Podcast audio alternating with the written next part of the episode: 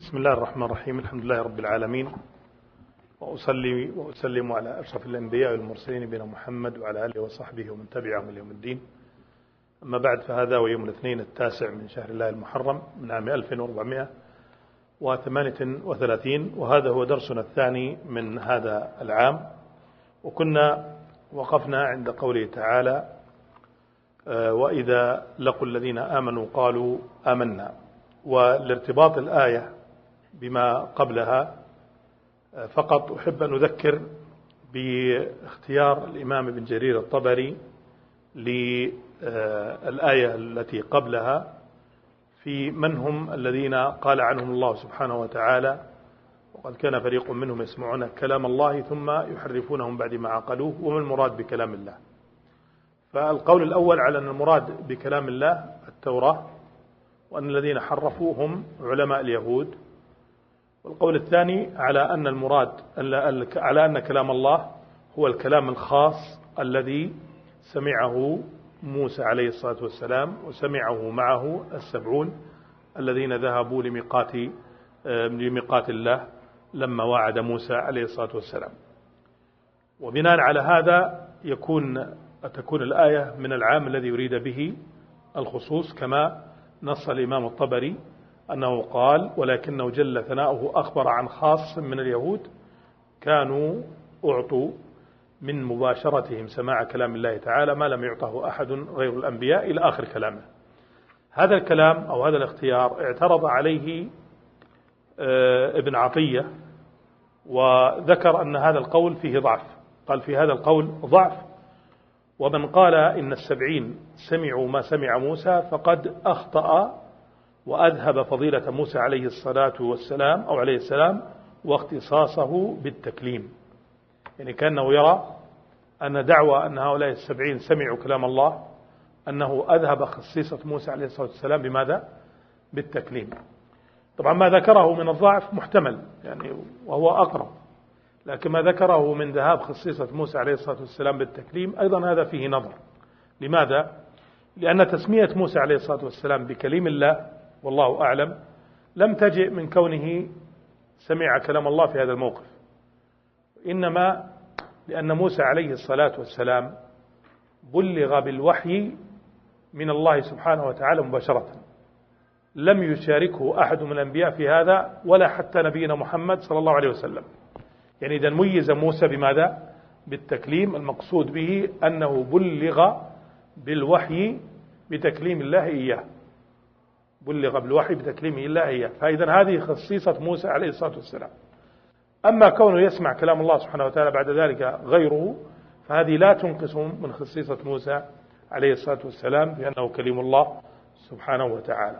هذه يعني هذا تنبيه لما يتعلق بالآية السابقة لكي نربط بها الآن الآية اللاحقة. إذا الطبر رحمه الله تعالى يختار أن الفريق هم بعض السبعين الذين حرفوا ما سمعوا. لنستمع الآن إليه ويفسر قول الله سبحانه وتعالى وإذا لقوا الذين آمنوا قالوا أمنا يقصد من؟ نعم تفضل شيخ عبد الرحمن. بسم الله الرحمن الرحيم. الحمد لله رب العالمين والصلاة والسلام على سيدنا محمد وعلى آله وصحبه أجمعين. اللهم اغفر لنا ولشيخنا وللحاضرين والسامعين. قال الإمام أبو جعفر القول في تأويل قوله تعالى وإذا لقوا الذين آمنوا قالوا آمنا. أما قوله وإذا لقوا الذين آمنوا قالوا آمنا فإنه خبر من الله جل ذكره عن الذين أيأس أصحاب محمد صلى الله عليه وسلم من إيمانهم من يهود بني إسرائيل الذين كان فريق منهم يسمعون كلام الله ثم يحرفونه من بعد ما عقلوه وهم يعلمون. وهم الذين إذا لقوا الذين آمنوا بالله ورسوله محمد صلى الله عليه وسلم قالوا آمنا. يعني بذلك أنهم إذا لقوا الذين صدقوا بالله وبمحمد صلى الله عليه وسلم رسوله وبما جاء به من عند الله قالوا آمنا أي صدقنا بمحمد وبما صدقتم به وأقررنا بذلك. أخبر الله عز وجل عنهم أنهم تخلقوا بأخلاق المنافقين وسلكوا منهاجهم. طيب قبل ما نأخذ الآثار آه لو قرأ قارئ هذا الكلام على عجل بدون أن يتأمل سياق الطبري للكلام قد يقول إن في كلام الطبري مع اختياره السابق إيش؟ شيء من التناقض أليس كذلك؟ طبعا واضح جدا أن الطبري رحمه الله تعالى يرى أن قوله وإذا لقوا الذين آمنوا مستأنف بمعنى أنه خبر مستأنف عن آخرين وليس عن الفريق الذي كان يتكلم عنه قبل. ولهذا لاحظ دقة العبارة عنده لما قال فإنه خبر من الله جل ذكره عن الذين أيأس أصحاب محمد من إيمانهم من يهود بني إسرائيل. هؤلاء الآن الذين بين ظهراني النبي صلى الله عليه وسلم. لكنه قال الذين كان فريق منهم يسمعون كلام الله ثم يحرفونه. فكأنه ربط بين الفريقين. يعني كنا يقول أن هؤلاء هم أتباع أولئك النفر الذين كانوا يسمعون كلام الله ثم يحرفونه. واضح الفكرة؟ طيب في فائدة آه، أيضا قبل ما ننتقل في آه، في الآية السابقة معذرة كان مفترض أن نذكرها هي فائدة بلاغية آه، أيضا للتنبيه على اختلاف النظر البلاغي باختلاف التفسير. لأن كما قلنا سابقا أن الأصل فهم المعنى ثم يبنى عليه ما بعده من فقه وبلاغة وغيرها. إذا أخذنا بقول بقول من قال أن المراد يسمعون كلام الله أي هم أحبار اليهود. يكون قول الله سبحانه وتعالى يسمعون فعل المضارع هذا دل على ماذا؟ على التجدد. يعني أنه يحصل مرة بعد مرة. يعني يحصل مرة بعد مرة. بمعنى أنه كأنه هذا لازم من لوازم أحبار اليهود. جيلا بعد جيل. لأنه دال على تجدد هذا الحدث مرة بعد مرة. لكن إذا ذهبنا إلى رأي الطبري وهو أن المراد بعض ذلك الفريق الذي سمع كلام الله فيكون لاستحضار الحال. يكون الفعل المضارع مقصود به ماذا؟ استحضار الحال. يعني كان المراد أن تستحضر تلك الحالة العظيمة التي حصلت لأولئك النفر وهم يسمعون كلام الله. وليس المراد أنه يتجدد مرة بعد مرة. وهذه أيضا يعني التنبيه هذا ذكرته لأي لكي ننتبه نحن. إلى أننا حينما نقرأ في البلاغة نستطيع أن نعرف ما هو المعنى الذي سلكه هذا المتكلم بالبلاغة من معاني الكلام. وأيضا نستطيع إذا عرفنا معاني الكلام أن نبني بعد ذلك إيش؟ البلاغة على ذلك. فإذا معنى ذلك إذن الآن الفعل المضارع يسمعون كلام الله. إن كان المراد به عموم اليهود والمقصود طبعا الأحبار بالذات فكأنه إشارة إلى أن هذا يحدث من أحبارهم جيلا بعد جيل فهو متجدد. والتجدد دال على الاستمرار من هذه الجهة. إذا كان المراد ما حدث من أولئك السبعين فهي حالة واحدة حصلت وانتهت. فيسمعون كلام الله سمعوه مرة واحدة. فمجيء الفعل المضارع لأمر قد مضى وانتهى هو الاستحضار الحال. يعني كأنه يكشف لك المشهد لتراه وكأنك الآن تشاهده. فإذا هذه فائدة أيضا تبنى على الخلاف السابق. الفائدة الآن التي نريد أن نناقشها أو ننبه عليها كيف أن الطبري رحمه الله تعالى وهو يتكلم مستحضر أنه ذهب بالآية السابقة إلى أن المراد من؟ بعض السبعين الذين حصل منهم ذلك. ولكن هذه الآية مراد بها هم من كانوا بين ظهراني النبي صلى الله عليه وسلم. فإذا تكون كأنها آية مفصولة عن ما سبقها. آية مفصولة عن ما سبقها فما سبق تحدث عن جنس من اليهود أو عن بعضهم وهذه الآية تحدث عن اليهود اللي كانوا بين ظهراني النبي صلى الله عليه وسلم. فلا يكون في كلامه تناقض أو اضطراب وإنما هو نبه إلى هذا الانتقال لما قال من يهود بني إسرائيل الذين كان فريق منهم يسمعون كلام الله ثم يحرفونه من بعد ما قالوه وهم يعلمون. قال وهم الذين يعني هؤلاء اللي في هذه الآية هم الذين لقوا الذين آمنوا بالله ورسوله محمد صلى الله عليه وسلم. يعني أنهم الآية تحدث عن هذا عن هذا آه، الصنف الذي لقي النبي صلى الله عليه وسلم. نعم أعطنا الآثار. كما حدثني وأسند عن ابن عباس من طريق العوفيين قوله وإذا لقوا الذين آمنوا قالوا آمنا وإذا خلا بعضهم إلى بعض قالوا أتحدثونهم بما فتح الله عليكم؟ وذلك أن نفرا من اليهود كانوا إذا لقوا محمدا صلى الله عليه وسلم قالوا آمنا. وإذا خلا بعضهم إلى بعض قالوا أتحدثونهم بما فتح الله عليكم؟ وأسند عن ابن عباس وإذا لقوا الذين آمنوا قالوا آمنا يعني المنافقين من اليهود كانوا إذا لقوا أصحاب محمد صلى الله عليه وسلم قالوا آمنا. وأسند عن سعيد بن جبير عن ابن عباس لا لو تقرأ آه، العبارة الأولى. لاحظوا طبعا عشان نكون نكون ننتبه لطريقة الطبري في إيراد الخلاف. طبعا هو الآن نعم. ذهب هذا المذهب وأورد روايتين عن ابن عباس. رواية من طريق آه، العوفيين اللي عطيه العوفي عن ابن عباس ورواية من طريق الضحاك عن ابن عباس. الآن يورد رواية أخرى فيها معنى آخر. بس لو تذكر العبارة ذكرها نعم. وقد روي عن ابن عباس في تأويل ذلك قول آخر. وأسند عن عن سعيد بن جبير عن ابن عباس وإذا لقوا الذين آمنوا قالوا آمنا أي بصاحبكم رسول الله صلى الله عليه وسلم ولكنه إليكم خاصة. وأسند عن أسباط عن السدي وإذا لقوا الذين آمنوا قالوا آمنا الآية قال هؤلاء ناس من اليهود آمنوا ثم نافقوا. نعم. طبعا آه، الرواية التي أوردها ابن عباس هذه فيها محمد بن إسحاق. دائما إذا ورد عندك في الطبري محمد بن إسحاق فتعلم أنه نقله من كتاب السيرة له سيرة بن إسحاق. طبعا سيرة بن إسحاق كما نعلم غير موجودة لكن موجود عندنا تهذيب السيرة.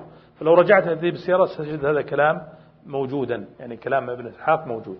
طبعا المحققون رجعوا إلى ابن كثير وكان الأولى أن يرجعوا إلى كتاب تهذيب آه، سيرة ابن, آه، ابن إسحاق لابن هشام يجدون هذا النص كما هو موجود عند الطبري. فهذه أيضا فائدة تنتبهوا لها يعني الأقوال التي ينسبها ابن جرير إلى محمد بن إسحاق أو يريدها من طريق محمد بن إسحاق فهو من كتاب السيرة له. طيب. الآن الرواية الأخرى التي أوردها طبعا الرواية الأولى واضح منها جدا أن نفر من اليهود إذا لقوا محمد صلى الله عليه وسلم وأصحابه قالوا آمنا. إذا خلى بعضهم إلى بعض حصل منهم ما سيأتي. إذا المقصود الآن هؤلاء النفر إذا قابلوا الرسول صلى الله عليه وسلم وقابلوا المؤمنين ادعوا أنهم مؤمنون. وهذه الرواية التي نبه عليها من؟ آه، السدي لما قال أنهم إيش؟ ناس من اليهود آمنوا ثم نافقوا. يعني ناس من اليهود آمنوا ثم نافقوا. يعني آمنوا بالرسول صلى الله عليه وسلم لأنهم قالوا آمنا. ولكنهم هذا في ماذا؟ في الظاهر. إذا خلوا إلى شياطين إلى خلى بعضهم إلى بعض بينوا على أنهم على أصلهم من اليهودية.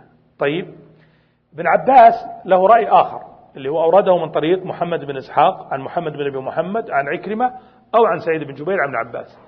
قال إذا لقوا الذين آمنوا قالوا آمنا أي بصاحبكم. يعني هؤلاء اليهود يقولون إيش؟ آمنا بصاحبكم. رسول الله صلى الله عليه وسلم ولكنه إليكم خاصة. هكذا جاءت الرواية. أنا يعني لما نظرت إلى الرواية ما فهمتها من أول من أول نظر. ورجعت إلى سيرة بن هشام وجدتها كما هي نفس العبارة. لكن سبحان الله وأنا أقرأ سيرة بن هشام انتبه يعني انفتحت لي. أنا ما فهمت ما ماذا يريد؟ ابن عباس في هذه الرواية. يعني استشكلت العبارة لأنه قال آمنا أي بصاحبكم رسول الله صلى الله عليه وسلم ولكنه إليكم خاصة. كيف آمنا بصاحبكم ولكنه إليكم خاصة؟ أي نعم يعني آمنا أنه مرسل إليكم خاصة ليس إلى غيركم. تمام؟ لكن العبارة كذا كانت في, في وأنا أنظر إليها ما يعني ما اتضحت لي سبحان الله.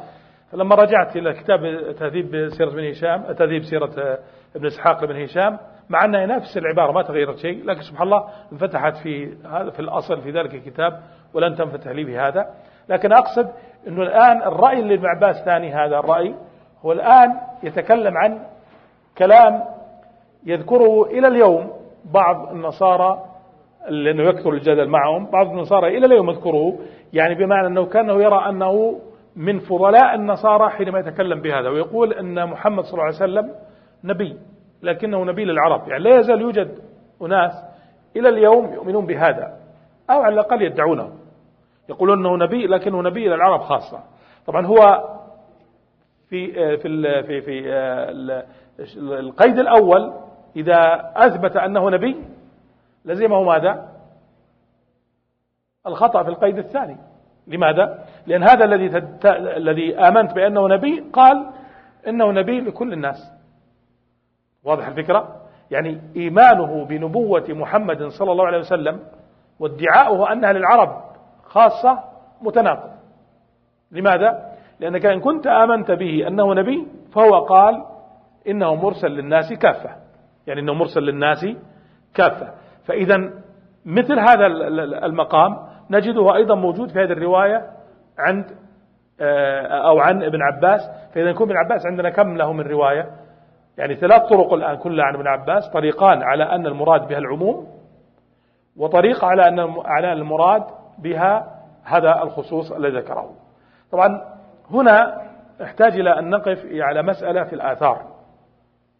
يقف أو, أو الناظر في مثل هذا في مثل هذا الأمر يقول كيف يكون عن ابن عباس أكثر من رأي وكيف نعالجها؟ هنا قاعدة مهم جدا تنتبهوا لها. حينما حينما ترد عن العالم الواحد آثار متعددة إن كانت مساقاتها متنوعة صارت بمثابة اختلاف التنوع ما فيها إشكال. إذا ظهر من هذه الآثار شيء من التضاد فهنا نعلم يقينا أن أنه إن كان قاله فكان يقول بأحد القولين متقدما وبأحدهما الآخر إيش؟ متأخرا. كوننا نحن لا نعرف ما هو المتقدم من أقواله من المتأخر هذا لا يؤثر على صحة النقل عنه. يعني أننا نعامل الآن الروايات كأن عندنا ابن عباس رقم واحد وابن عباس رقم اثنين. يعني كأن هذا عالم وهذا عالم ولا في إشكال في هذا. والعلماء رحمه الله تعالى كانوا يتعاملون مع الروايات بهذه الطريقة ويقول روي عن عباس كذا روي عن مجاهد كذا ويذكرون أقاويل عنهم. يعني بعض الناس يستشكل هذا يعني بعض الناس يستشكل هذا ويقول كيف يرد عن العالم أكثر من قول. أصلا كون يرد عن العالم أكثر من قول هذا أمر يعني أمر طبيعي وعادي لأن لأن الإنسان كما تعلمون يتغير رأيه واجتهاده مرة بعد مرة. لكن نحن كيف نتعامل مع هذه مشكلتنا نحن؟ وليست مشكلة أن العالم قال بهذا القول وبذاك. لكن المشكلة المنهجية أن نحن كيف نتعامل معها. كوننا لم نعرف ما هو المتقدم من أقوال المتأخر لا يؤثر على ماذا؟ على الأمر. لكني لا أستطيع أن أزعم أن هذا هو رأي ابن عباس الأخير أو ذاك. لكن في النهاية نتعامل معه على أنها آراء. ثم بعد ذلك المجتهد بعده ينظر في الآراء ويتحرى وينظر أيها أقرب للصواب وهل هذا هو المقدم أو ذاك. يعني بمعنى أنه ما نشغب على أنفسنا أو لا يشغب علينا غيرنا في كون ترد بعض الآثار عن العالم الواحد من السلف قد يكون فيها شيء من التضاد أو الاختلاف. ما تؤثر هذه. يعني كان الذي قالها عالم آخر. لكن إذا أردنا أن نحرر ما هو قول ابن عباس على وجه التحديد وأيوة كان قول الأخير هذه مسألة أخرى تحتاج إلى قرائن تحتاج إلى شيء آخر. لكن هب أننا لم نستطع أن نعرف لا ليس عندنا قرائن تدل على القول المتقدم والمتأخر أيضا لا يؤثر على التفسير وعلى المعنى. لا يؤثر. وإذا نقول قال ابن عباس وهو رأي لابن عباس وهو أحد قولي ابن عباس بلا إشكال.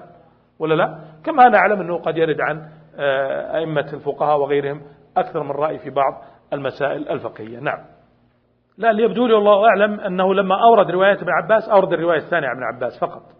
يعني لما أورد الرواية عن عباس أشار إن في رأي آخر ابن عباس ثم رجع إلى أكمال الروايات. هذا اللي يظهر والله أعلم. ولذا قلت لك قبل قليل أن أن السدي رواية السدي هي أقرب للأول. هذا اللي يبدو والله أعلم. مع أنه لو أخره كانت أوضح. نعم.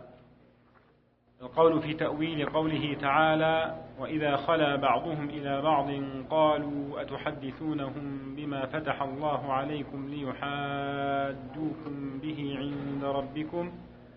يعني بقوله وإذا خلا بعضهم إلى بعض أي إذا خلا بعض هؤلاء اليهود الذين وصف الله صفتهم إلى بعض منهم فصاروا في خلاء من الناس غيرهم وذلك هو الموضع الذي ليس فيه غيرهم. قالوا يعني قال بعضهم لبعض أتحدثونهم بما فتح الله عليكم؟ ثم اختلف أهل التأويل في تأويل قوله بما فتح الله عليكم. فقال بعضهم بما حدثنا وأسند عن الضحاك عن ابن عباس وإذا خلا بعضهم إلى بعض قالوا أتحدثونهم بما فتح الله عليكم؟ يعني بما أمركم الله به. فيقول الآخرون إنما نستهزئ بهم ونضحك. وقال آخرون بما حدثنا وأسند عن سعيد بن جبير عن ابن عباس وإذا لقوا الذين آمنوا قالوا آمنا أي بصاحبكم رسول, رسول الله. ولكنه إليكم خاصة. وإذا خلا بعضهم إلى بعض قالوا لا تحدثوا العرب بهذا فإنكم قد كنتم تستفتحون به عليهم فكان منهم. فأنزل الله وإذا لقوا الذين آمنوا قالوا آمنا. وإذا خلا بعضهم إلى بعض قالوا أتحدثونهم بما فتح الله عليكم ليحاجوكم به عند ربكم؟ أي تقرون بأنه نبي وقد علمتم أنه قد أخذ له الميثاق عليكم باتباعه وهو يخبركم أنه النبي الذي كنا ننتظر ونجده في كتابنا. اجحدوه ولا تقروا لهم به. يقول الله أولا يعلمون أن الله يعلم ما يسرون وما يعلنون. وأسند عن أبي العالية في قوله وأسند عن أبي العالية في قوله أتحدثونهم بما فتح الله عليكم؟ أي بما أنزل الله عليكم في كتابكم من نعت محمد صلى الله عليه وسلم. وأسند عن سعيد عن قتادة قالوا أتحدثونهم بما فتح الله عليكم؟ أي بما من الله عليكم في كتابكم من نعت محمد صلى الله عليه وسلم. فإنكم إذا فعلتم ذلك احتجوا به عليكم أفلا تعقلون. وأسند عن معمر عن قتادة أتحدثونهم بما فتح الله عليكم؟ ليحتجوا به عليكم. وأسند عن قتادة أتحدثونهم بما فتح الله عليكم؟ يعني بما أنزل الله عليكم من أمر محمد صلى الله عليه وسلم ونعته. وقال آخرون وقال آخرون في ذلك بما حدثني وأسند عن ابن أبي نجيح عن مجاهد بما فتح الله عليكم ليحاجوكم به عند ربكم. قال قول يهود من قول يهود من قريظة حين سبهم النبي صلى الله عليه وسلم بأنهم إخوة القردة والخنازير. قالوا من حدثكم؟ هذا حين أرسل إلي هذا حين أرسل إليهم عليا فآذوا محمدا فقال يا إخوة يا إخوة القردة والخنازير وأسند عن ابن أبي نجيح عن مجاهد مثله إلا أنه قال هذا حين أرسل إليهم علي بن أبي طالب رضي الله عنه وآذوا النبي صلى الله عليه وسلم فقال اخسأوا يا إخوة القردة والخنازير. وأسند عن القاسم بن أبي بزة عن مجاهد في قوله أتحدثونهم بما فتح الله عليكم؟ قال قام النبي صلى الله عليه وسلم يوم قريضة تحت حصونهم فقال يا إخوان القردة ويا إخوان الخنازير خنازير ويا عبدة ويا عبدة الطاغوت. فقالوا من أخبر هذا محمدا؟ ما خرج هذا إلا منكم. أتحدثونهم بما فتح الله عليكم؟ بما حكم الله للفتح ليكون له حجة عليكم ليكون لهم حجة عليكم. قال ابن جريج عن مجاهد هذا حين أرسل إليهم عليا فآذوا محمدا صلى الله عليه وسلم. وقال آخرون بما حدثني وأسند عن السدي قالوا أتحدثونهم بما فتح الله عليكم من العذاب ليحاجوكم به عند ربكم؟ هؤلاء ناس من اليهود آمنوا ثم نافقوا فكانوا يحدثون المؤمنين من العرب بما عذبوا به فقال بعضهم لبعض أتحدثونهم بما فتح الله عليكم من العذاب ليقولوا نحن أحب إلى الله منكم وأكرم على الله منكم؟ وقال آخرون بما حدثني وأسند عن ابن زيد في قوله وإذا خلا بعضهم إلى بعض قالوا أتحدثونهم بما فتح الله عليكم ليحاجوكم به عند ربكم؟ قال كانوا إذا سئلوا عن الشيء قالوا أما تعلمون في التوراة كذا وكذا؟ قالوا بلى. قال وهم يهود. فيقول لهم رؤساؤهم الذين يرجعون إليهم ما لكم تخبرونهم بالذي أنزل الله عليكم فيحاجوكم به عند ربكم أفلا تعقلون؟ قال قال رسول الله صلى الله عليه وسلم لا يدخلن علينا قصبة المدينة إلا مؤمن. فقال رؤساؤهم من أهل الكفر والنفاق اذهبوا فقولوا آمنا واكفروا إذا رجعتم. قال فكانوا يأتون المدينة بالبكر ويرجعون إليهم بعد العصر. وقرأ قول الله وقالت طائفة من أهل الكتاب آمنوا بالذي أنزل على الذين آمنوا وجه النهار واكفروا آخره لعلهم يرجعون. وكانوا يقولون إذا دخلوا المدينة نحن مسلمون ليعلموا خبر رسول الله صلى الله عليه وسلم وأمره وإذا رجعوا رجعوا إلى الكفر. فلما أخبر الله نبيه صلى الله عليه وسلم بهم قطع ذلك عنهم فلم يكونوا يدخلون. وكان المؤمنون الذين مع رسول الله صلى الله عليه وسلم يظنون أنهم مؤمنون. فيقولون لهم أليس قد قال الله لكم كذا وكذا؟ فيقولون بلى. فإذا رجعوا إلى قومهم قالوا أتحدثونهم بما فتح الله عليكم؟ الآية. وأصل الفتح في كلام العرب النصر والقضاء والحكم. يقال منه اللهم افتح بيني وبين فلان أي احكم بيني وبينه. ومنه قول الشاعر ألا أبلغ بني عصم رسولا بأني عن فتحاء عن فتاحتكم غني. قال ويقال للقاضي الفتاح. ومنه قول الله عز وجل ربنا افتح بيننا وبين قومنا بالحق وأنت خير الفاتحين. أي احكم بيننا وبينهم.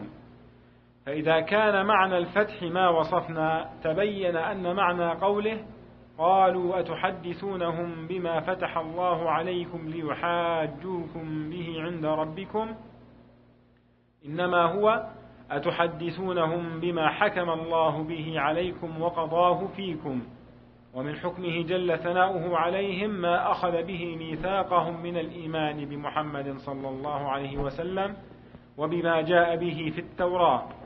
ومن قضائه فيهم أن جعل منهم القردة والخنازير وغير ذلك من أحكامه وقضائه فيهم. وكل ذلك كان لرسول الله صلى الله عليه وسلم وللمؤمنين به حجة على المكذبين به من اليهود المقرين بحكم التوراة وغير ذلك. فإن كان كذلك فالذي هو أولى عندي بتأويل الآية قول من قال معنى ذلك أتحدثونهم بما فتح الله عليكم من بعث محمد صلى الله عليه وسلم إلى خلقه. لأن الله جل ثناؤه إنما قص في أول هذه الآية الخبر عن قولهم لقول لرسول الله صلى الله عليه وسلم ولأصحابه آمنا بما جاء به محمد صلى الله عليه وسلم فالذي هو أولى بآخرها أن يكون نظير الخبر عما ابتدأ به عما ابتدأ به أولها. وإذا كان ذلك كذلك فالواجب أن يكون تلاومهم كان فيما بينهم فيما كانوا أظهروه لرسول الله صلى الله عليه وسلم ولأصحابه من قولهم لهم آمنا بمحمد صلى الله عليه وسلم وبما جاء به. وكان قيلهم ذلك من أجل أنهم كانوا يجدون ذلك في كتبهم. وكانوا يخبرون أصحاب رسول الله صلى الله عليه وسلم بذلك. فكان تلاومهم فيما بينهم إذا خلوا على ما كانوا يخبرونهم بما هو حجة للمسلمين عليهم عند ربهم. وذلك أنهم كانوا يخبرونهم عن وجود نعت محمد صلى الله عليه وسلم في كتبهم ويكفرون به.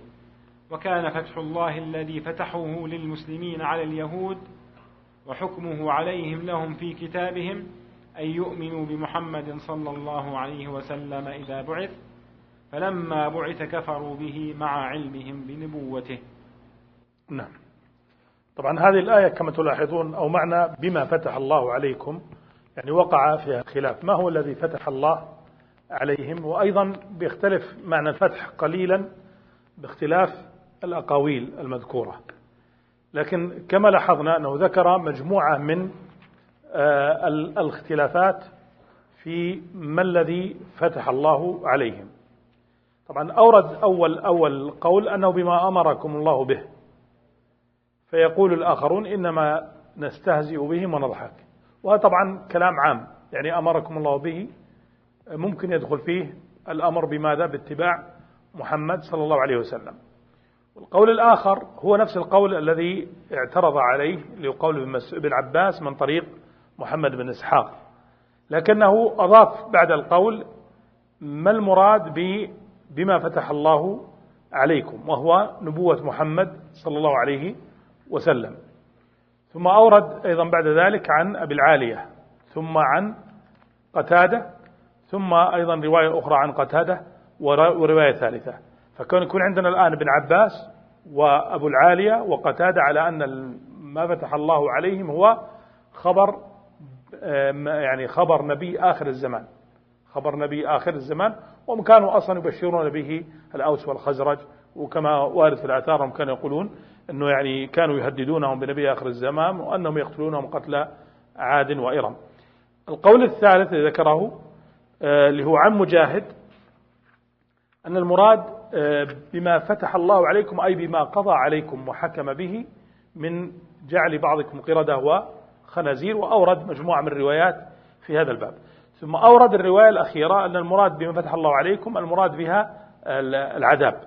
والعذاب يمكن أن يكون ما جعله الله منهم من قردة وخنازير مثالا له لكنهم كانوا يتحدثون عن مجموعة من العذابات التي وقعت عليهم.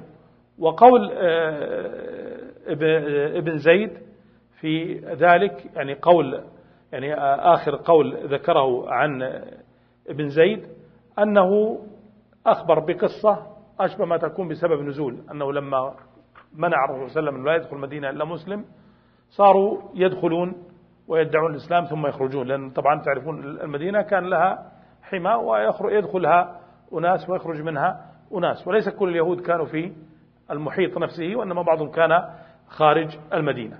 طبعا هذه الأقوال التي آه، ذكرها آه، ابن جرير واختار القول المشهور أن المراد بقول ما فتح الله عليكم أي بخبر نبوة نبي آخر الزمان. لأنه أعظم أعظم خبر بقي عند اليهود والنصارى في كتبهم هو خبر نبي آخر الزمان. يعني خبر نبي آخر الزمان. ولو قرأتم يعني لو قرأتم في كتب بني إسرائيل ستجدون أن هذا الأمر كان هو قد يكون هو الهاجس الأكبر الذي بقي عند هؤلاء الأقوام ويبحثون عنه عن نبي آخر الزمان. ومن أدلة ذلك أنك لو قرأت في الأناجيل المعتمدة عند النصارى اليوم وإن كانت الأناجيل متعددة لكن الأناجيل المعتمدة المعتمدة تجد أن في محادثات بين عيسى عليه الصلاة والسلام والحواريين يشيرون إلى واحد سيأتي. هذا الذي سيأتي ووعدت به الكتب السابقة هم يسألون عيسى عليه الصلاة والسلام أهو أنت؟ يعني يسألونهم تلاميذ يقولون هل هو أنت اللي بشرت به الكتب السابقة؟ طبعا كان يجيبهم دائما أنه ليس هو يعني أنه ليس هو وأنه سيأتي. وطبعا كانت الإشارات فيه واضحة لكن كما تعلمون حدث فيها من التحريف ما حدث. إذا أكبر أمر كان يخفيه اليهود هو أمر النبي صلى الله عليه وسلم وما يتعلق به من أحوال. أمر النبي صلى الله عليه وسلم وما يتعلق به من أحوال. ولهذا لو أنتم درستم موقف اليهود من تغير تغير النبي صلى الله عليه وسلم عليهم في الأحكام وغيرها يعني أول الأمر كان يفرح ب آه، يعني بمطابقة ما عنده مع اليهود. كان يفرح بهذا. لماذا؟ لأنهم أهل نبوة سابقة ويكون ما جاء به مطابق لما جاءوا به. فمعنى ذلك إذن أنهم سيؤمنون به ويقرون به ما دام قد أتى بما هو موجود عندهم. ولكن مع الزمن كانوا يتنكرون له.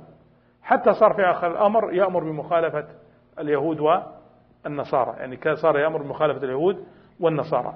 إذا المقصود هنا أن أن الله سبحانه وتعالى تحدث في هذه الآية عن أعظم أمر بقي عند أهل الكتاب وهو خبر نبي آخر الزمان. وكانت هذه الطوائف تنتظر هذا النبي لعل تكون يكون منها. طبعا كانوا اليهود أكثر حرصا أكثر حرصا من النصارى لأن اليهود مع ما حصل من كتاب التعريف إلا أنهم لا زالوا متمسكين ببقايا الشريعة أكثر من النصارى. النصارى حصل انحراف مبكر خاصة على يد بولس الرسول كما يسمى وهذه وهذا الانحراف الذي حصل مبكرا أبعدهم عن هذا مع أنه بقي كما قلت لكم لكن ما كانوا يعني ما كانوا يتطلعون إلى هذا ما كان يتطلع اليهود. بدلالة أنه لما حصل التهجير لليهود حصل التهجير لليهود جزء منهم انتقل إلى مناطق تشبه تشبه ما ورد عندهم في التوراة. أن آه نبي آخر الزمان يخرج بين ماء ونخل. فلاحظوا الآن لما جاءوا جزيرة العرب لما جاءوا جزيرة العرب المواطن التي سكنوها هي مواطن ماء ونخل يعني تيماء وفدك وخيبر ويثرب هذه كلها مواطن نخيل. يعني إلى اليوم هي مواطن نخيل. فهم ما جاءوا عبثا وإنما جاءوا واقتسموا هذه الأماكن لعل النبي آخر الزمان يخرج من أحد الطوائف اليهودية. يعني كونه يكون يهودي مع اختلافهم أحسن عندهم أن يكون إيش؟ عربيا. يعني كونه يكون يهودي مع اختلافهم أحسن من يكون عربيا. يعني هم فيما بينهم بينهم صراعات. لكن كونه يكون من من يهود أولى عندهم. فإذا مجيئهم لم يكن عبثا. إنما كان مجيئا مقصودا يترقبون النبي آخر الزمان. وكما ذكرت لكم قبل قليل كانوا يستفتحون على الذين كفروا بهذا النبي. وكانوا إذا إذا حصل بينهم بين الأوس والخزرج يعني قتال أو مشاحنات توعدوهم بنبي آخر الزمان أنه إذا خرج يفعلون بهم ويفعلون بهم. فإذا هذا هو أكبر ما كان عند اليهود من الأمر وهو الذي جاءت الآيات والله أعلم به. أنهم كانوا يتكلمون عن نبي آخر الزمان ثم بعد ذلك لما جاء ما يستطيعون يردون يقول لا والله ما خرج. لكن يقولوا هو نبي صحيح لكن نبي إيش؟ لكم خاصة. أو لا يؤمنون به. أو يؤمنون به ثم إيش؟ يكفرون على حسب أنواع التي حصلت عندهم. يعني منهم من فعل هذا منهم من فعل هذا منهم من فعل ذاك ومنهم من أنكر النبوة إنكارا تاما. فحينما يجتمعون مع بعض يحصل بينهم هذه المجادلة فيما بينهم كيف تكلمونهم أو تحدثونهم بهذا فيحتجون به. عليكم. طبعا الطبري لما اختار هذا القول ذهب مباشرة إلى السياق. ذهب إلى ماذا؟ إلى السياق. فقال فالذي هو أولى بآخرها أن يكون نظير الخبر عما ابتدأ به أولها. يعني قد يقول قائل لماذا اعتمد السياق هنا ولم يعتمده في الآية التي قبلها؟ يعني وهذا يدلك على ماذا؟ على أمر مهم جدا وهو أن الإمام رحمه الله تعالى حينما يعني يذهب إلى قول عنده مستندات عنده مستندات علمية يستند إليها. وإلى نحن الآن لو أردنا أن نرجح قد نرجح ماذا؟ في السياق نفسه أن نقول ما ابتدأ به الحديث في آه، الأولين تكلمت عنه تكلم عنهم قال سبحانه وتعالى آه، يسمعون كلام الله ثم يحرفونه. هم نفس هؤلاء الذين إذا خلا بعضهم إلى بعض قالوا أتحدثهم بما فتح الله عليكم؟ فيكون السياق كله في من؟ في من كانوا بين ظهراني. النبي صلى الله عليه وسلم. لكن فعل الإمام هذا يدلك على أنه رحمه الله تعالى ما كان اختياراته اعتباطا.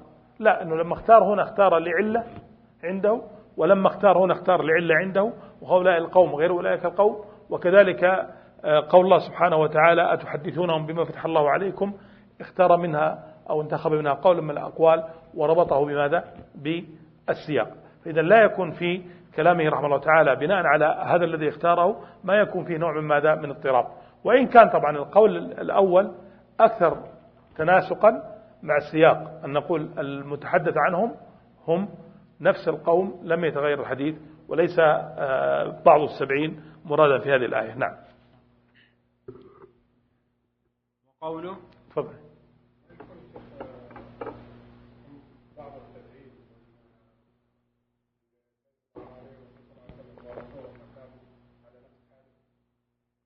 لا في هذه الحالة ما تدخل في هذا. يعني أنه في بعض الأحيان مثل ما ذكرت الطبري ينبه على أن المخاطب بها هم آباؤهم لكن لأنهم رضوا بفعل الآباء فيدخلون بماذا؟ مع برضاهم فعل الآباء يدخلون في الخطاب. لكن في هذا ما استخدم الطبري هذه وفصلها عنها وهي هذا الظاهر أنه مفصولة عنها على على رأي الطبري. إن الآية مختصة بأولئك القوم فقط وانتهى الحديث عنهم. والآية الأخرى تحدث عن قوم آخرين هم من مرابطهم بذلك أنهم من أبناء هؤلاء الذين قالوا بذلك القول. نعم. وقوله أفلا تعقلون؟ خبر من الله تعالى ذكره عن اليهود اللائمين إخوانهم على ما أخبروا أصحاب رسول الله صلى الله عليه وسلم بما فتح الله لهم عليهم. أنهم قالوا لهم أفلا تفقهون أيها القوم وتعقلون أن إخباركم أصحاب محمد صلى الله عليه وسلم بما في كتبكم, بما في كتبكم أنه نبي مبعوث حجة لهم عليكم عند ربكم يحتجون به عليكم. أي فلا تفعلوا ذلك ولا تقولوا لهم مثل ما قلتم ولا تخبروهم بمثل ما أخبرتموهم به من ذلك. فقال جل ثناؤه أولا يعلمون أن الله يعلم ما يسرون وما يعلنون. القول في تأويل قوله تعالى أولا يعلمون أن الله يعلم ما يسرون وما يعلنون. يعني بقوله جل ثناؤه أولا يعلم هؤلاء اللائمون من اليهود إخوانهم من أهل ملتهم على كونهم إذا لقوا الذين آمنوا قالوا آمنا. وعلى إخبارهم المؤمنين بما في كتبهم من نعت رسول الله صلى الله عليه وسلم ومبعثه القائلون لهم أتحدثونهم بما فتح الله عليكم ليحاجوكم به عند ربكم أن الله عالم بما يسرون فيخفونه عن المؤمنين في خلائهم من كفرهم وتلاومهم بينهم على إظهارهم ما أظهروا لرسول الله صلى الله عليه وسلم وللمؤمنين به من الإقرار بمحمد صلى الله عليه وسلم وعلى قيلهم لهم آمنا. ونهي, بعضه ونهي بعضهم بعضا أن يخبروا المؤمنين بما فتح الله للمؤمنين عليهم وقضى لهم عليهم في كتبهم من حقيقة نبوة محمد صلى الله عليه وسلم ونعته ومبعثه. وما يعلنون فيظهرون لمح فيظهرونه لمحمد صلى الله عليه وسلم ولأصحابه المؤمنين به. إذا لقوهم من قيلهم لهم آمنا بمحمد صلى الله عليه وسلم وبما جاء به نفاقا وخداعا لله ولرسوله وللمؤمنين. كما حدثنا وأسند عن قتادة أولا يعلمون أن الله يعلم ما يسرون من كفرهم وتكذيبهم محمدا صلى الله عليه وسلم إذا خلا بعضهم إلى بعض. وما يعلنون إذا لقوا أصحاب محمد صلى الله عليه وسلم قالوا آمنا. ليرضوهم بذلك. وأسند عن أبي العالية أولا يعلمون أن الله يعلم ما يسرون وما يعلنون؟ يعني ما أسروا من كفرهم بمحمد صلى الله عليه وسلم وتكذيبهم به. وهم يجدونه مكتوبا عندهم. وما يعلنون يعني ما أعلنوا حين قالوا للمؤمنين آمنا. نعم تفضل. القول في تأويل قوله تعالى ومنهم, أم ومنهم أميون يعني بقوله جل ثناؤه ومنهم أميون ومن هؤلاء اليهود الذين قص الله قصصهم في هذه الآيات وأيأس أصحاب رسول الله صلى الله عليه وسلم من إيمانهم فقال لهم أفتطمعون أن يؤمنوا لكم وقد كان فريق منهم يسمعون كلام الله ثم يحدثونه من بعد ما عقلوه وهم إذا لقوكم قالوا آمنا كما حدثنا وأسند عن أبي العالية ومنهم أميون يعني من اليهود وأسند عن الربيع عن الربيع مثله. وأسند عن ابن جريج عن مجاهد ومنهم أميون قال أناس من يهود. قال أبو جعفر يعني بالأميين الذين لا يكتبون ولا يقرؤون. ومنه قول النبي صلى الله عليه وسلم إنا أمة أمية لا نكتب ولا نحسب. يقال منه رجل أمي أي بين الأمية. كما حدثني وأسند عن منصور عن إبراهيم ومنهم أميون لا يعلمون الكتاب قال منهم ما منهم من لا يحسن ما منهم من لا يحسن أن يكتب وأسند عن ابن زيد في قوله ومنهم أميون قال أميون لا يقرؤون الكتاب من اليهود وروي عن ابن عباس قول خلاف هذا القول خلاف هذا القول وهو ما حدثنا وأسند عن الضحاك عن ابن عباس ومنهم أميون قال الأميون قوم لم يصدقوا رسولا أرسله الله ولا كتابا أنزله الله فكتبوا كتابا بأيديهم ثم قالوا لقوم سفلة جهال هذا من عند الله وقال قد أخبر أنهم يكتبون بأيديهم ثم سماهم أميين لجحودهم لجحودهم كتب, كتب الله ورسله. وهذا التأويل تأويل على خلاف ما يعرف من كلام العرب المستفيد بينهم وذلك أن الأمي عند العرب هو الذي لا يكتب. قال أبو جعفر وأرى أنه قيل للأمي أمي نسبة له بأنه لا يكتب إلى أمه. لأن الكتاب كان في الرجال دون النساء فنسب من لا يكتب ولا يخط من الرجال إلى أمه في جهله بالكتابة دون أبيه. كما ذكرنا عن النبي صلى الله عليه وسلم من قوله إن أمة أمية لا نكتب ولا نحسب. وكما قال هو الذي بعث في الأميين رسولا منهم. فإذا كان معنى الأمي في كلام العرب ما وصفنا فالذي هو أولى بتأويل الآية ما قال النخعي من أن, من أن معنى قوله ومنهم أميون ومنهم من لا يحسن, من لا يحسن أن يكتب. نعم. طبعا هذه الآية في قوله سبحانه وتعالى ومنهم أميون كما ذكر الطبري في عود الضمائر. يعني أعاده على النفر أو على اليهود الذين كانوا يقولون تفضل.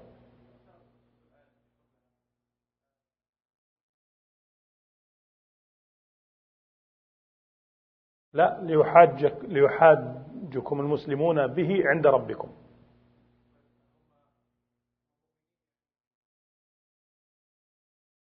طبعا؟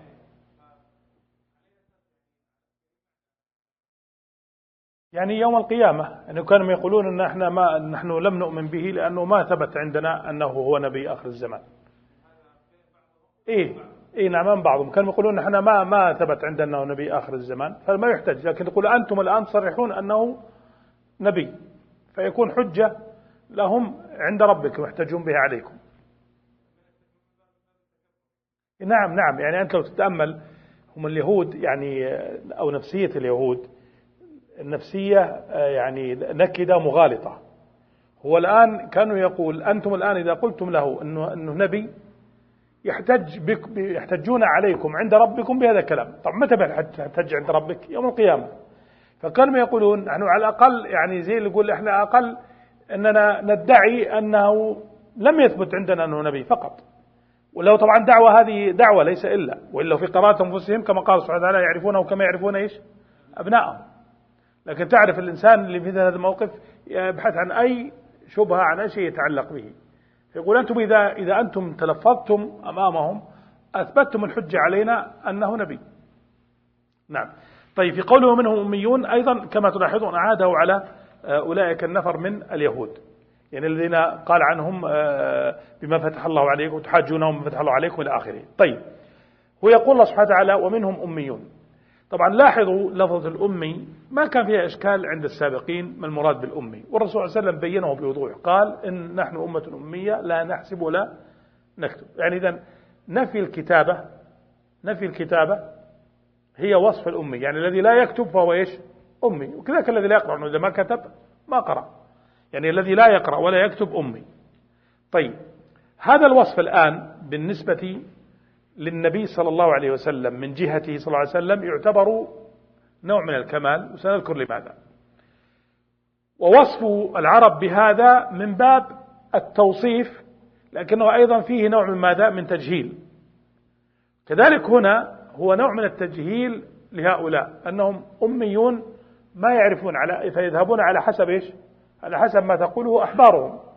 يعني على حسب ما تقوله أحبارهم. فالذي يتبع أحباره بدون ما يكون عنده معرفة أو عقل يفهم بها فكانوا يقول إيش؟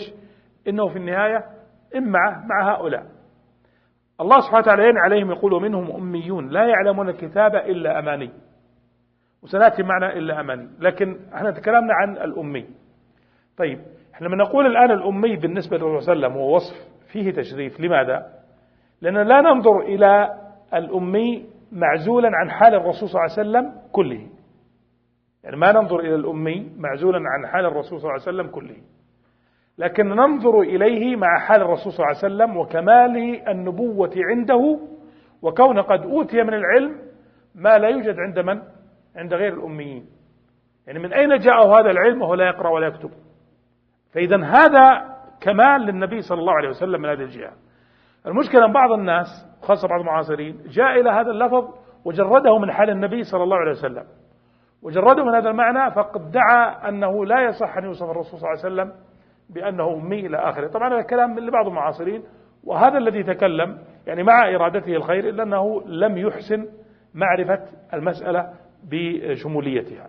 فإذا أعيد المرة الفكرة أخرى أن الرسول صلى الله عليه وسلم حينما وصف أنه أمي هو كمال فيه صلى الله عليه وسلم. من أين جاء الكمال هذا؟ جاء الكمال بهذا الوصف مع أنه في الأصل قد يكون فيه منقصة لا جاء كمال من هذا الوصف كونه قد أتى بما لا, بما لا يأتي به من كان متعلما للقراءة والكتابة. فالعلم الذي عنده مع أميته يعني مع عدم قراءته وكتابته دليل على ماذا؟ على أنه من عند الله. يعني هذه الفكرة في وصف الرسول صلى الله عليه وسلم بالأمي. وبقاء هذا الوصف له صلى الله عليه وسلم حتى وفاته هذا هو الصحيح. وإن كان بعض علماء المسلمين المتأخرين ادعى لبعض الآثار أو الأحاديث التي لا تثبت آه، أن النبي صلى الله عليه وسلم ارتفعت عنه هذه الحالة بعد أن نزل عليه الوحي. لكن الصحيح أن صلى الله عليه وسلم مات لا يقرأ ولا يكتب وليست آه، يعني عيبا في حقه حاشاه صلى الله عليه وسلم بل هي كمال من هذه الجهة. فإذا أنت إذا ناقشت أمية الرسول صلى الله عليه وسلم لا تناقشها وتجردها عن حاله كله وإنما اربطها بحاله ستجد أنها نوع من الكمال. أما في يعني مواطن أخرى لا هي تعتبر بالنسبة له بالنسبة لغيره ذم ولذا الله سبحانه وتعالى قال منهم أميون لا يعلمون كتاب إلا ماني هذا في مقام إيش؟ الذم يعني في مقام الذم هو الذي بعث في الأميين هذا وصف للعرب. قد يكون في مقا... قد يكون في شيء من الدم لكن في النهاية وصف أنهم قوم لا يقرؤون ولا يكتبون. وهؤلاء قوم لا يقرؤون ولا يكتبون ومنهم هذا النبي أرسله الله ويعني أنزل عليه من العلم والنور ما فاق به من كان إيش؟ يكتب ويقرأ. هذا فيما يتعلق بالنبي وإن كان طبعا الموضوع ليس له علاقة لكن آه، إشارة بما أنه ذكر هذا المعنى. طبعا الطبري رحمه الله تعالى آه، نبه في الروايات على أن المراد منهم أميون يعني من اليهود والسياق ما زال في اليهود. لكن لما جاء يحلل معنى الأمي في اللغة بين أو ذكر حديث الرسول صلى الله عليه وسلم أنهم الذين لا يكتبون ولا يقرؤون. وبين أنه منسوب إلى أمه. طبعا في خلاف هل منسوب إلى الأمة أو إلى أمه. الأقرب أنه منسوب إلى أمه. وبين أيضا الطبري سبب النسبة إلى الأم. لأنه الغالب بل, بل هو الأصل عندهم أن المرأة لا يعني ليست للقراءة والكتابة. ما ما يعني يستفيدون منها في القراءة والكتابة. فكأنه نسبه إلى أمه على كأنه على حال أمه. لا يقرأ ولا يكتب. وأن القراءة والكتابة تكون في من؟ في الرجال. فنسب إلى الأم. طيب هذا طبعا تأصيل للنسبة نسبة الأمي طبعا أورد قول لابن عباس واعترض عليه وهو قول طبعا فيه غرابة من رواية الضحاك عن ابن عباس. وهو أن الأميون قوم لم يصدقوا رسولا أرسله الله. ولا كتابا أنزله الله فكتبوا كتبا بأيديهم. ثم لقوا سفهة جو... آه ثم قالوا لقوم سفهة جهال هذا من عند الله إلى آخره. لكن لاحظ الآن أن هؤلاء قوم كتبوا. يعني الآن الذين القوم الذين كتبوا مرتفع عنهم وصف الأمية. لكن هو الآن يقول أن الأميون هم هؤلاء القوم الذين كتبوا ثم لقوا من لقوا وكذا. هذا المعنى الذي ذكره الآن هذا المعنى ذكره معنى غريب.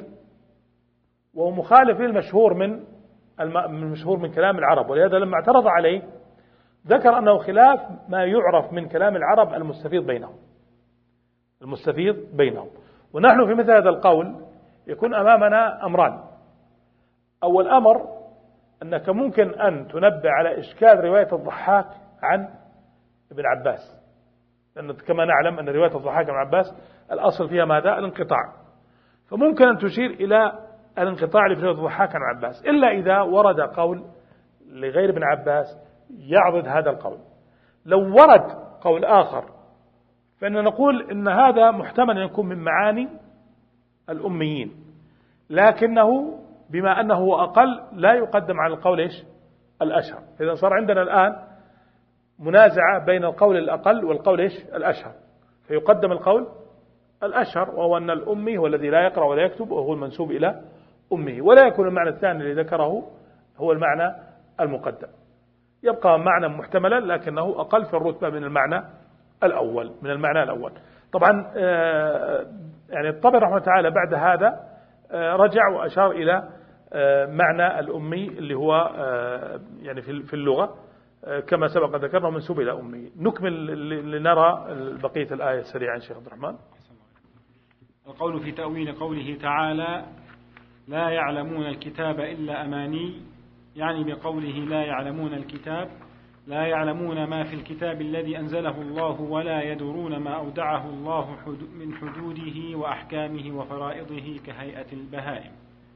كالذي حدثني وأسند عن معمر عن قتادة في قوله ومنهم أميون لا يعلمون الكتاب إلا أماني إنما هم أمثال البهائم لا يعلمون شيئا. وأسند عن سعيد عن قتادة قوله لا يعلمون الكتاب يقول لا يدرون ما فيه. وأسند عن الربيع عن أبي العالية لا يعلمون الكتاب لا يدرون ما فيه. وأسند عن سعيد بن جبير عن ابن عباس لا يعلمون الكتاب قال لا يدرون ما فيه. وأسند عن ابن زيد لا يعلمون الكتاب لا يعلمون شيئا لا يقرؤون التوراة لا يقرؤون.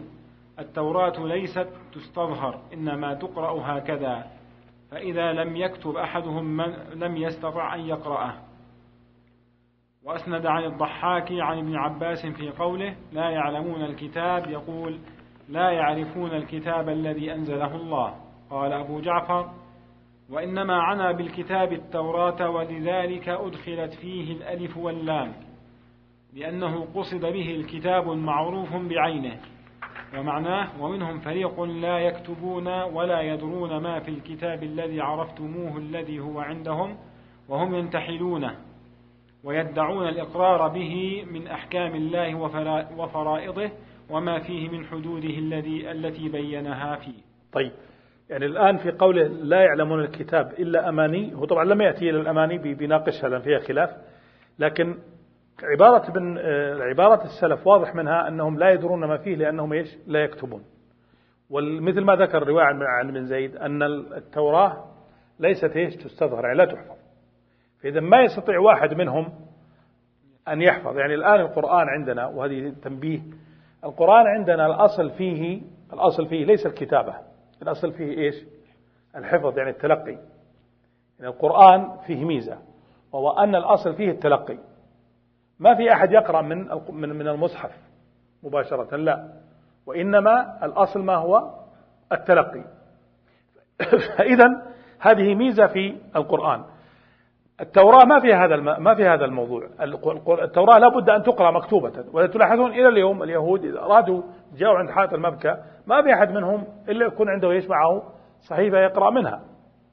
ما يستطيعون لأنه ما ما تحفظ التوراة. المقصود أن إشارة ابن, ابن, ابن زيد. إشارة ابن زيد مهمة جدا في أن الكتابة مرتبطة بإيش؟ بالقراءة. ما يكتب إذا ما يقرأ.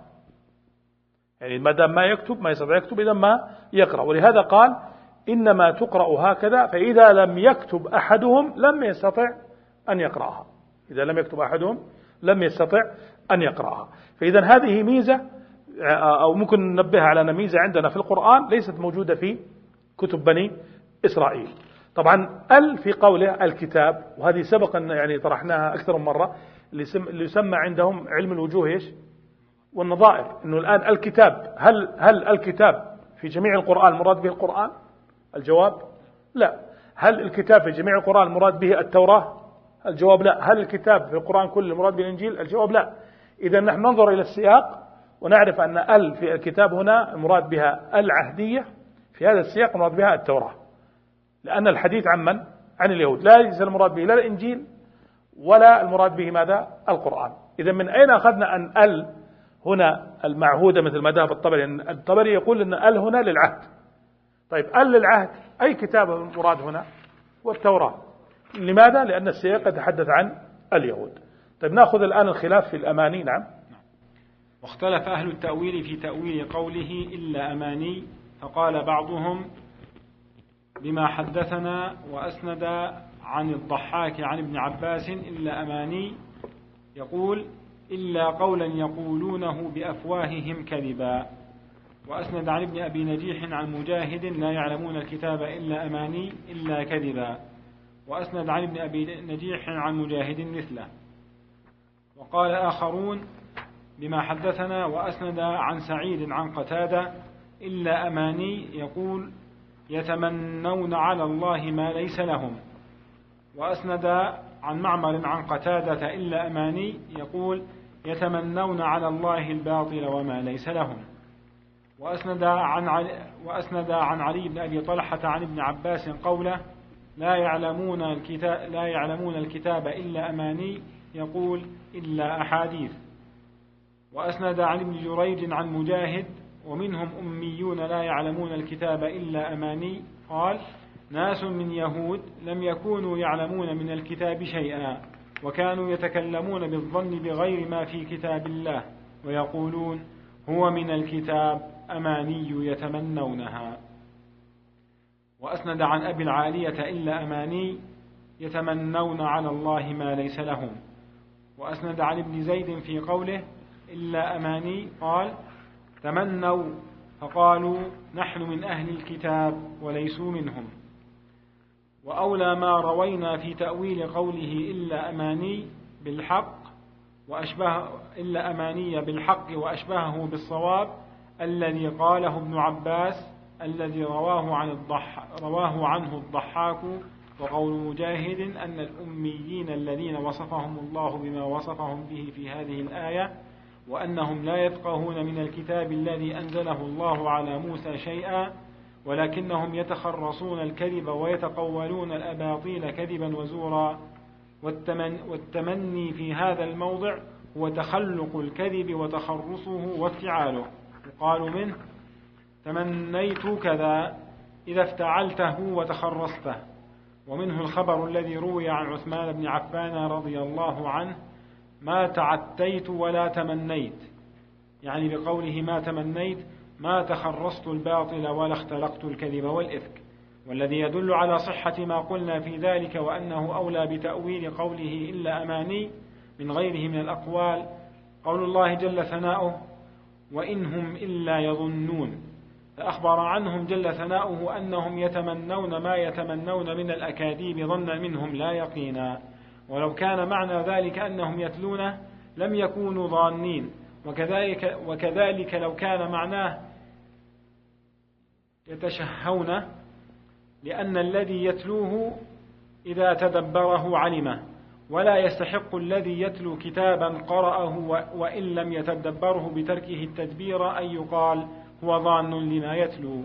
إلا أن يكون شاكا في نفس ما يتلوه لا يدري أحق هو أم باطل. ولم يكن القوم الذين كانوا يتلون التوراة على عصر نبينا محمد صلى الله عليه وسلم من اليهود فيما بلغنا شاكين في التوراة. شاكين في التوراة أنها من عند الله. وكذلك المتمني الذي هو في معنى المتشهي غير جائز أن يقال هو ظان تمنية. لأن التمني من المتمنى إذا تمن من المتمني إذا تمنى ما قد وجدت ما قد وجدت عينه. فغير جائز أن يقال هو شاك فيما هو شاك فيما هو به عالم. لأن العلم والشك معنيان ينفي كل واحد كل واحد منهما صاحبه. لا يجوز اجتماعهما لا, لا يجوز اجتماعهما في جزء واحد. والمتمني في حال تمنيه موجود تمنيه فغير جائز أن يقال هو يظن تمنيه. وإنما قيل لا يعلمون الكتاب إلا أماني والأماني من غير نوع الكتاب. كما قال ربنا جل ثناؤه ما لهم به من علم إلا اتباع الظن والظن من العلم بمعزل. وكما قال وما لأحد عنده من نعمة تجزى إلا ابتغاء وجه ربه الأعلى. وكما قال الشاعر ليس بيني وبين قيس عتاب ليس بيني وبين قيس عتاب غير طعن الكلى وضرب الرقاب. وكما قال, وكما قال نابغة بني ذبيان حلفت يمينا غير ذي مثنوية ولا علم ولا علم إلا حسن ظن بصاحبي. في نظائر لما ذكرنا يطول بإحصائها الكتاب ويخرج بإلا ما بعدها من معنى ما قبلها ومن صفته. وإن كان كل واحد منهما من غير شكل الآخر آخر ومن غير نوعه. ويسمي ذلك بعض أهل العربية استثناء منقطعا لانقطاع الكلام الذي يأتي بعد إلا عن معنى ما قبلها. وإنما يكون ذلك كذلك في كل موضع حسن أن يوضع فيه مكان إلا لكن فيعلم, فيعلم حينئذ انقطاع معنى الثاني عن معنى الأول. ألا ترى أنك إذا قلت ومنهم أميون لا يعلمون الكتاب إلا أماني ثم أردت وضع لكن مكان إلا وحذف إلا وجدت الكلام صحيحا معناه وجدت الكلام صحيحا معناه صحته وفيه إلا. وذلك إذا قلت ومنهم أميون لا يعلمون الكتاب لكن أماني يعني لكنهم يتمنون. وكذلك قوله وما لهم به من علم إلا اتباع الظن لكن اتباع الظن بمعنى لكنهم يتبعون الظن. وكذلك جميع هذا النوع من الكلام على ما وصفنا. نعم. طب الآن الخلاف في الأماني. يعني ومنهم أميون لا يعلمون كتابة إلا أماني. هل المراد إلا كذبا وتخرصا؟ أو المراد به الأمنية المعروفة يعني يتمنون. طبعا هم أصحاب أماني مثل ما ذكر الله سبحانه وتعالى عنهم. في آه، أنهم يعني آه، آه، يعني ذكر لهم يعني بعض الأماني في مثل أمنيتهم في أنهم يعني يخرجون من النار يعني يعذبون قليلا ثم يخرجون من النار. طبعا ليس عندهم من الله برهان في هذا وإنما هي أماني يتمنونها. لكن هل المراد الآن الأماني هذه؟ أو المراد الأماني اللي هو الكذب؟ طبعا لاحظوا بالنسبة لنا نحن الآن التعبير بالأماني بمعنى الكذب بالنسبة لنا قد يكون معنى إيش؟ غريبا. لا قد يكون بالنسبة لنا نحن معنى غريبا. لكن هذا الأماني بمعنى الكذب هذا معروف في لغة العرب وأورد عليه إيش؟ شواهد. يعني أورد عليه شواهد. فإذا كان كذلك وهو الذي اختاره الإمام الطبري أنه يكون مراد إلا أماني يعني إلا إيش؟ كذبا وتخرصا. يعني لا يعلمون من الكتاب إلا الكذب والتخرص. طيب الآن لو رجعنا إلى الكذب والتخرص أو افتعال الكذب والتخرص في الكتاب اللي ذكروا عنه لأنهم الآن يفتعلون الكذب والتخرص في الكتاب. لا يعلمون الكتاب يعني التوراة إلا تخرصا وكذبا. هم يتكلم عن من؟ عن الأميين يعني منهم أميون يعني لا يقرؤون ولا يكتبون ولا يعلمون من الكتاب إلا التخرص والكذب. فإذا هو يصف فريق من اليهود. هذا الفريق من اليهود هم من هذا الجنس. إذا هو لا يتكلم عن ماذا عن طبقة الأحبار. لأنهم هم يتلقون عن الأحبار ثم يحصل عندهم ماذا؟ الكذب والتخرص. طيب. أيضا أورد مسألة في في نفس الموضوع اللي هو افتعال الكذب والتخرص أنه قال الذي قاله ابن عباس الذي رواه عنه الضحاك واختار القول الذي قاله ابن عباس رواه عنه الضحاك. لو رجعنا للرواية التي قبلها قصدي المقطع الذي قبلها نجد أنه اعترض على القول الذي قاله ابن عباس ولا لا؟ مو قال الآن في نفس الرواية تأملوا الآن الرواية نفسها الرواية سندها كما هو وارد. قال آه، حدثنا أبو كريب قال حدثنا عثمان بن سعيد عن بشر بن عمارة عمارة عن أبي روق عن الضحاك بن عباس. وقال عنها وهذا التأويل خلاف على خلاف ما يعرف من كلام العرب المستفيض بينهم.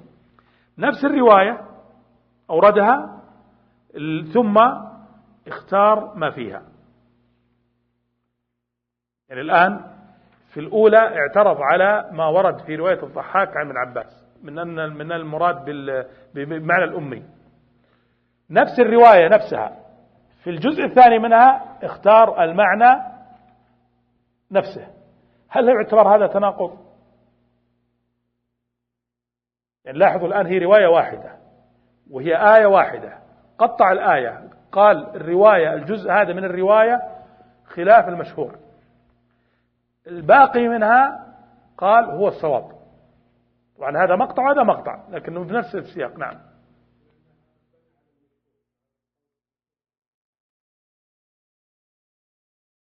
يعني ما في تناقض بينهم. هذا اللي يعضدها من من الروايات الأخرى. جميل. أنا قصدت من هذا ما هو الذي قصدته. أن الطبري رحمه الله تعالى حينما يعالج الآثار هو ينظر إلى المعاني. هذا اللي نريد ننتبه له. وعالج الآثار نظر إلى المعنى. ما قال الضحاك بن عباس منقطعة؟ لا. هو عالج المعاني. فالمعنى الأول في الأماني آه، في في ومنهم أميون معذرة في الأمي المعنى الأول خلاف المشهور. المعنى الأول في الأمي خلاف المشهور. أنه الأميون هم قوم. يعني كتبوا كتابا وكذبوا فيه ثم تبعهم قوم. آخرون يقول هذا المعنى خلاف المشهور. المشهور من الأمي هو الذي لا يكتب ولا يحسبه المنسوب إلى أمه. فاعترض على هذا المعنى. الرواية واحدة مستمرة. لما جاء في المعنى لا يعلمون الكتابة إلا أماني المعنى اللي فيها صواب. فصوبه. صوبه. لماذا أقول هذا الكلام؟ لأن كما قلت لكم سابقا أنه حينما يعالج الطبري هذه الآثار هو ينظر إلى ماذا؟ إلى المعاني. فهو ناقش الآن المعنى. وكل كلامه مرتبط بماذا؟ بالمعنى. ولذا قال وأولى ما روينا في تأويل قوله تعالى إلا أماني بالحق وأشبهه بالصواب الذي قاله ابن عباس الذي رواه عنه الضحاك وقول مجاهد. أن الأميين الذين وصفهم الله بما إلى آخره مثل ما ذكر وجعله أنهم باب الأماني اللي هي التخرص والاختلاق. نعم. تكمل بقية الآية عشان نختم.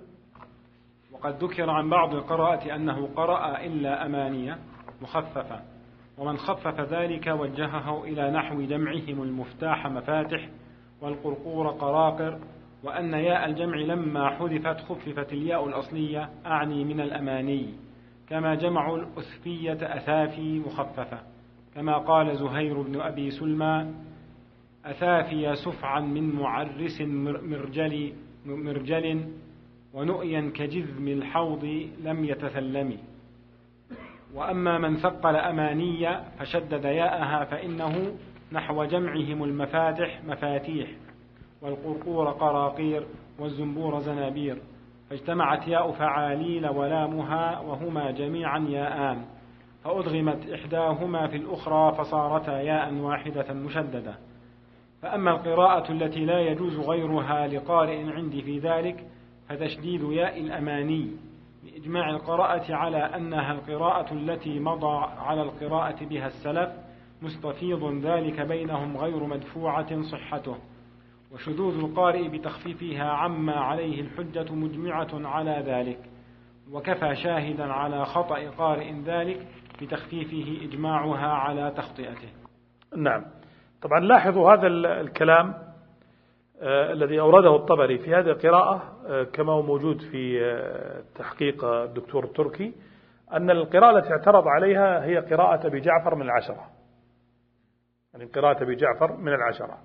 وكما سبق حينما نناقش مثل هذا الأمر نحن نناقشه في وقته ثم ننظر إليه بعد وقته. كيف نناقشه في وقته؟ يعني الآن الطبري رحمه الله تعالى عالج القراءات مثل ما يعالج الآثار.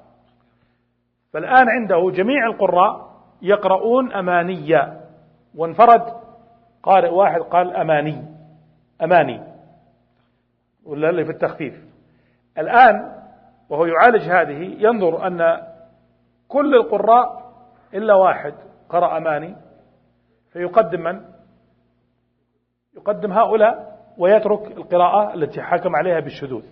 ولهذا ألاحظ عبارته قال لا يجوز فما القراءة لا يجوز غيرها لقارئ عندي في ذلك فتشديد يا أماني. يعني أنه يبطل القراءة الثانية ما يرى أنها قراءة صحيحة. مع لاحظوا أنه أورد أو أثبت لها حجة لغوية.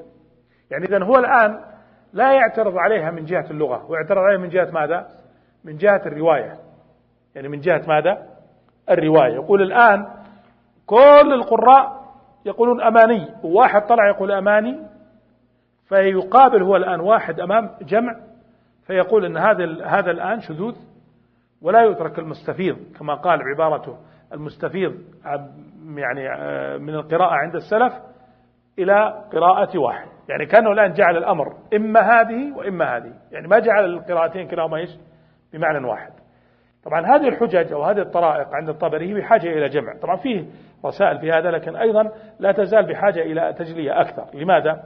لأن الطبري وهو يعالج هذه القضايا يعني هو إعجاز القضايا لا يمكن لا يمكن أن أن يتصور أن الطبري أن الطبري عنده يقين من علم أن هذه مروية عن النبي صلى الله عليه وسلم ويعترض عليها ليه؟ لأن لو رجعنا إلى مقدمته وهو يناقش ما يتلقى عن النبي صلى الله عليه وسلم هو ذكر أن ما يتلقى عن النبي صلى الله عليه وسلم إما أن يأتي من من من جهة الخبر المستفيض عنه أو من جهة خبر الواحد العدل.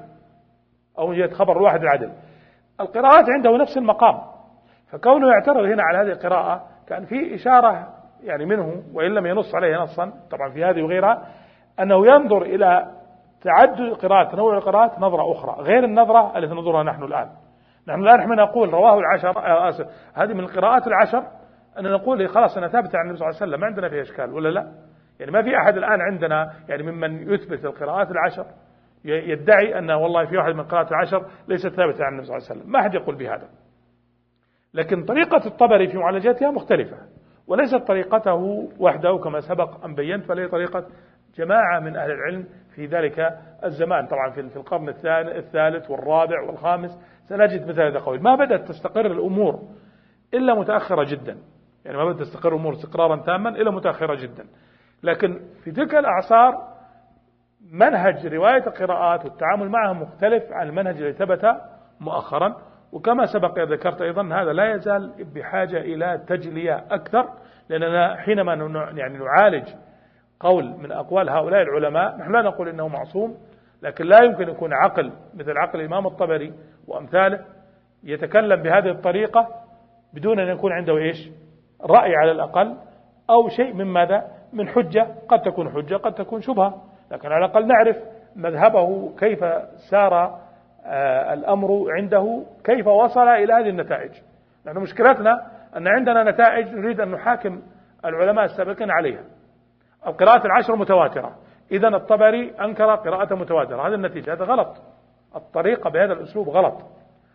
لو كان الطبري يثبت أنها متواترة ثم ينكرها لك أن تقول أن الطبري أنكر قراءة متواترة. لكن هل ترى أنت الآن أن الطبري يرى أن هذه قراءة متواترة أو على الأقل أن هذه قراءة صحيحة؟ هو في تحليله هذا يرى أن القراءة ليست بصحيحة فيها إشكال عنده فاعترض عليها. فالمفترض فينا نحن أن نعرف لماذا اعترض لماذا تعامل مع القراءة بهذه الطريقة لنفهم على الأقل منهجه وطريقته.